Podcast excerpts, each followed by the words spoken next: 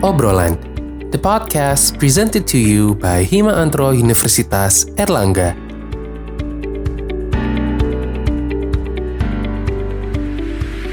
Halo, apa kabar Sobat Antro? Um, selamat datang di Obrolan, the podcast presented to you by Hima Antro Universitas Erlangga. Um, ini Alif yang akan membawa episode pertama dari podcast Obrolan ini.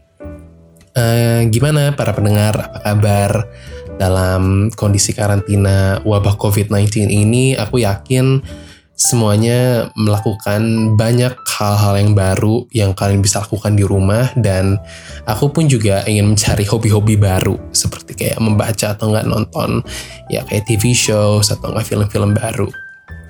So um, dalam aktivitas-aktivitas karantina ini aku pun juga sadar gitu kayak wow ternyata wabah ini tuh menjadi sesuatu suatu yang apa ya yang sangat besar gitu. It's it's something yang uh, yang sangat berhubungan dengan tema utama dari episode ini adalah sesuatu yang sangat historical gitu. Menurut aku pada umumnya COVID-19 ini atau coronavirus ini wabah ini menjadi sesuatu yang what we might say atau yang kita bisa katakan sebagai as a historical event gitu. So jadi sebenarnya aku sih pengen ngomongin tentang the overall apa ya apa itu sejarah dengan dan bagaimana kira-kira sejarah itu memberi efek kepada diri kita sendiri dan untuk ke depannya seperti apa kayak gitu. Jadi apa sih yang disebut dengan sejarah? Jadi sejarah atau history uh, yaitu dari bahasa Yunani yaitu historia yang berarti mengusut pengetahuan yang diperoleh melalui penelitian. Yaitu berarti sejarah adalah kajian tentang masa lampau khususnya bagaimana kaitannya dengan manusia. Sangat berhubungan dengan antro sebenarnya ya nggak sih? Um, dalam bidang akademis Sejarah itu menggunakan narasi untuk memeriksa dan menganalisis urutan peristiwa masa lalu secara objektif untuk menentukan pola, sebab, dan akibat yang menentukan beberapa-beberapa uh, kejadian atau peristiwa yang telah terjadi gitu. Menurut um, Urban Pro, ada enam tipe sejarah. Yang pertama itu adalah sejarah politik yaitu cabang sejarah berkaitan dengan analisis para pemimpin politik, gagah politik, gagasan, peristiwa, gerakan, kegiatan, dan sebagainya. Cabang sejarah ini berfokus pada studi kepercayaan normatif karena diyakini menjadi alasan dibalik perubahan historis. Yang kedua, yaitu ada sejarah diplomatik, yaitu cabang sejarah yang berfokus pada studi hubungan internasional antara negara, yang cenderung lebih mementingkan sejarah diplomasi dan ide-ide diplomasi dan masih banyak lagi. Jadi sejarah diplomatik itu menurut aku penting banget sih untuk dipelajari oleh para anak-anak HI ya karena jika kamu pengen belajar untuk menjadi sebuah diplomat yang baik, kamu pun juga harus tahu kira-kira um, teknik-teknik apa sih orang-orang diplomat-diplomat pada zaman dahulu untuk meningkatkan hubungan baik mereka dengan negara-negara lain kayak gitu. Yang ketiga, on brand lagi dengan Antro yaitu adalah sejarah budaya. Itu adalah cabang sejarah yang berhubungan dengan tradisi dan interpretasi budaya masa lalu.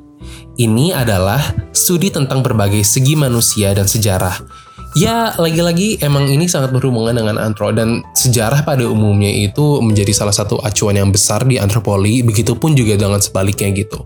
Orang sejarah biasanya mengambil referensi dengan antropologi dan kami para antropolog pun juga kadang-kadang pasti pada umumnya akan mengambil referensi uh, dengan orang-orang sejarah kayak gitu.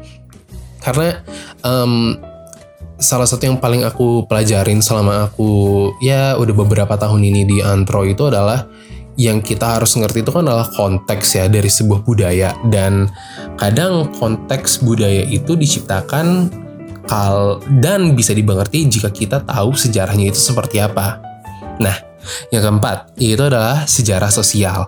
Sejarah yang berfokus pada studi berbagai norma sosial seperti cara hidup, standar, adat istiadat, disiplin, status, dan sebagainya dari orang-orang, bersama dan dengan demografinya sendiri. Seperti itu. Yang kelima, yaitu adalah sejarah ekonomi, yaitu cabang sejarah yang berfokus pada studi ekonomi serta fenomena ekonomi masa lalu seperti pola produksi atau konsumsi, dan berusaha memahami proses ekonomi pada zaman dulu.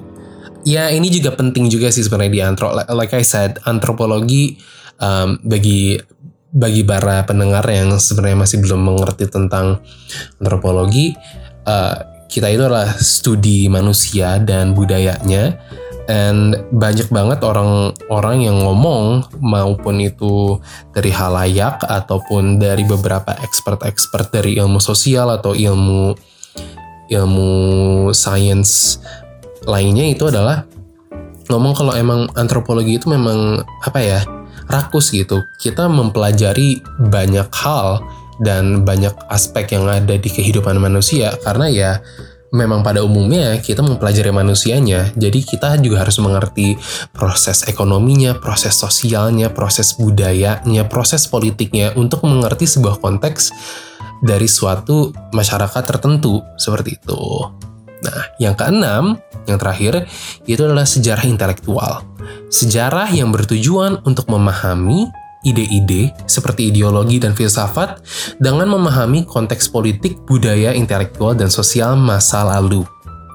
Jadi itu para sobat antro, uh, beberapa uh, tipe-tipe sejarah yang ada gitu. Jadi pada umumnya nih ya, setelah aku banyak cari-cari, sejarah itu memiliki um, perbedaan tergantung dari tempatnya dan memiliki fungsi-fungsi yang berbeda juga pada umumnya ya, uh, yang aku temuin itu adalah sejarah pada umumnya dijadikan sebuah alat ajar bagi para murid-murid yang digunakan oleh sebuah institusi pendidikan seperti sekolah dan pemerintah untuk menumbuhkan nasionalisme dan patriotisme. Um, dan jujur, ketika aku ingat-ingat lagi, ya itu benar gitu karena um, banyak banget menurut aku dan aku pun bisa aku akui secara pribadi salah satu utama yang membuat kita apa ya tergerak untuk um, menciptakan suatu rasa nasionalisme itu adalah dengan mengetahui sejarahnya itu sendiri sejarah Indonesia. Dan pada umumnya sejarah itu memberi sebuah gambaran umum kepada murid tentang siapa sih musuh-musuh negara pada zaman dahulu. Kayak contohnya kita dulu itu mengenal Belanda sebagai penjajah atau enggak Jepang atau enggak Portugis seperti itu dan kita pun juga mengenal beberapa pihak-pihak yang membantu kita seperti Amerika dan lain-lainnya. Um, tapi yang uh, aku cari-cari juga ketika aku mencari referensi-referensi soal sejarah itu sering banget buku sejarah itu tuh diubahkan oleh pemerintah dalam upaya memberikan sebuah pandangan yang sama. Yang sebenarnya masuk banget dengan topik yang aku pengen bawa selanjutnya, yaitu the relativity of history, yaitu relativitas sejarah. Menurut aku ya secara pribadi, sejarah itu tuh relatif gitu itu tuh sangat tergantung dari sumber apa yang kamu temukan dari ap, dari apa ya dari referensi mana yang kamu cari gitu. Kayak kalian tahu nggak sih ada sebuah um, pepatah bukan pepatah sih kayak ini kayak semacam quote gitu aku lupa dari dari semacam penulis atau ilmuwan gitu. Kayak kalau bahasa Inggrisnya itu uh, history was made by the victors atau sejarah dibuat oleh para pemenang gitu. Dan menurut aku itu memberi sebuah gambaran yang sangat um, besar sih tentang bagaimana relativitas sejarah itu memang sangat berbeda gitu.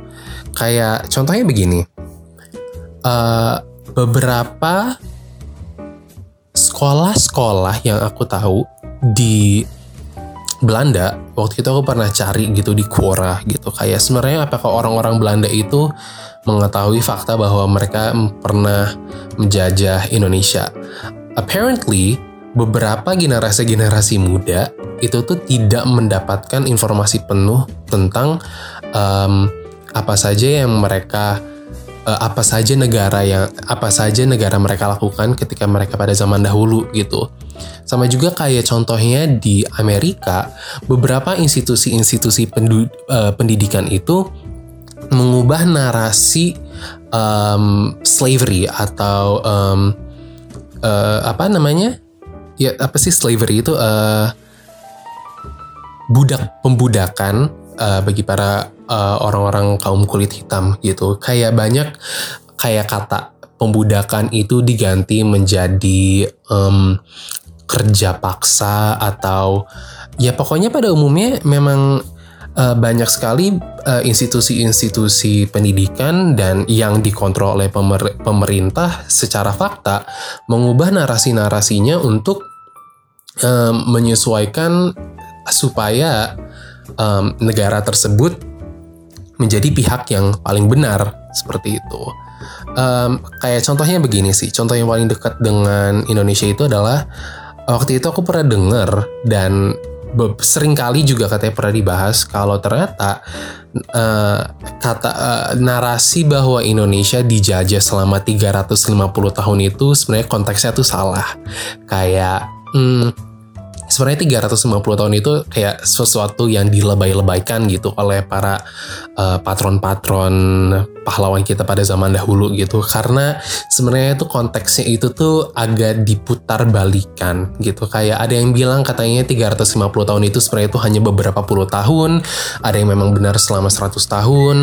Um, jadi kayak ada yang bilang sebenarnya 350 tahun itu adalah sebagai tiga 250 tahunnya itu adalah proses dari bagaimana Belanda ingin mencoba menjajah dan 50 tahun sisanya itu adalah memang proses menjajah uh, masa penjajahan Belanda di Indonesia. Jadi ya gitu kan kayak memang relativity of history itu memang it it it, it is true menurut aku sesuatu objektivitas dari sejarah itu memang cukup susah dan uh, sebenarnya cukup masuk juga dengan bagaimana kita sebagai aku sebagai mahasiswa antropologi yang harus melihat dari banyak banget uh, sisi begitu. Karena jika aku melihat dari satu sisi saja uh, banyak sekali yang gak aku ketahui secara faktualnya seperti apa secara objek objektifnya itu seperti apa kayak gitu dan melihat sekarang uh, bal uh, melanjut ya dengan topik selanjutnya itu adalah aku tuh merasa sejarah itu bukan sejarah sih sebenarnya hal-hal ya yang aku lihat di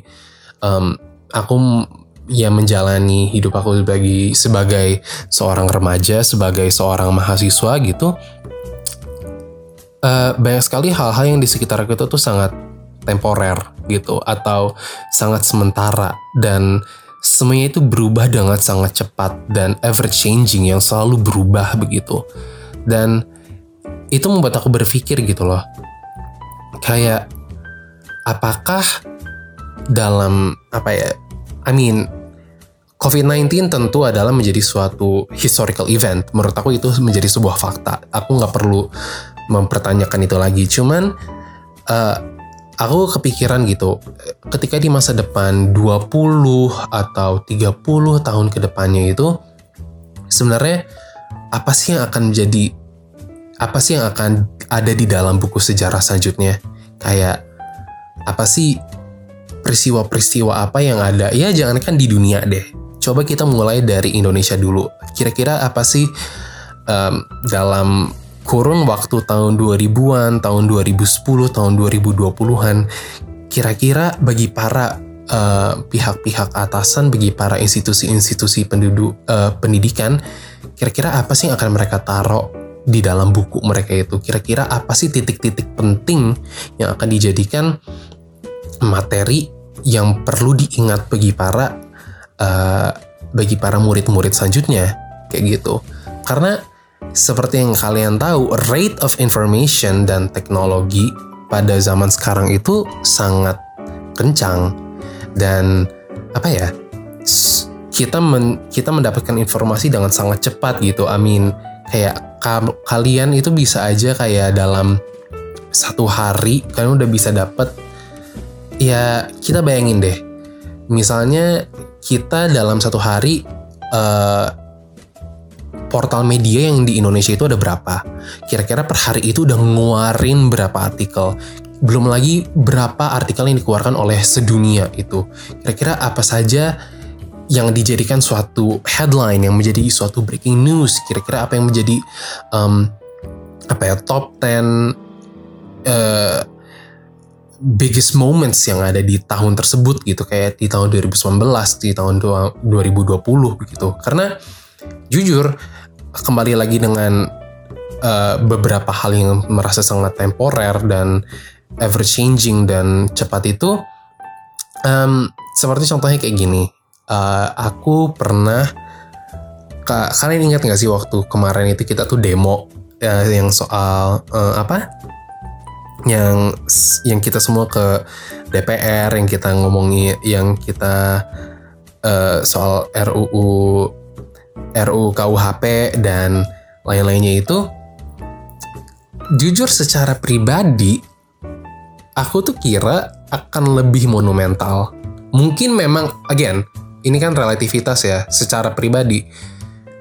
Memang monumental menurut aku. Tapi aku baru sadar ya di tahun 2020 ini gak banyak orang yang ngebahas itu lagi. Bahkan menurut aku rasa rasa apa ya rasa um, amarah atau rasa um, uh, perjuangan dan pergerakan yang aku rasakan beberapa tahun yang uh, beberapa tahun yang lalu seperti aku pas maba atau nggak pas pas pas aku lagi demo dengan dibandingkan sekarang aku rasa wow rasa itu bener-bener hilang begitu saja, malah hampir terlupakan dan sekarang nggak begitu banyak juga orang-orang yang masih omongin. Mungkin masih ada yang omongin, tapi dalam lingkungan aku nggak banyak. Uh, people forget it gitu. Orang-orang udah pada lupa. Kayak itu ya sebatas sebatas apa ya sebatas oh itu sesuatu, sesuatu yang terjadi pada tahun itu pada bulan itu tetapi ketika menjalani ke tahun selanjutnya ke bulan selanjutnya ya it doesn't really affect all of us that much. Kayak gitu. So ya sih kurang lebih seperti itu. Dan aku tahu sebenarnya ini untuk episode pertama kita sebenarnya udah cukup kenceng juga sih pembahasannya. Dan aku juga sebenarnya pengennya ya nyantai-nyantai aja. Cuman I think why not gitu? Why not kita ngomongin soal sejarah? Why not kita ngomong kenapa kita nggak ngomongin soal sesuatu yang sesuatu yang kita nggak pernah sadari gitu betapa besarnya efeknya kepada kehidupan kita sendiri. Maupun kalian mahasiswa walaupun kalian udah bekerja ataupun kalian masih murid SMP SMA atau seperti itu. Um, kurang lebih seperti itu sih uh, sobat antro bahasan kita untuk episode pertama ini. Uh, nanti selanjutnya itu bakal ada rekan-rekan aku, Karin dan Sabrina yang akan ya akan membawa topik-topik yang akan lebih slow down lah, yang lebih nyantai, yang lebih yang lebih apa yang lebih enak kali ya untuk kalian dengarkan kalau kalian pengen relax gitu. Aku emang orangnya tipe yang suka mau nyerocos saja yang mau ngomongin apa aja begitu. Tapi I think that's okay. Uh, uh, nanti mungkin as a warning aja kali ya. Mungkin ketika nanti untuk ke depannya kita kalian akan bertemu dengan aku lagi, pasti topik-topiknya mungkin akan sedikit ya lebih berat, mungkin akan lebih tenang, akan lebih ringan. Tapi who knows? Kayak ini baru episode pertama.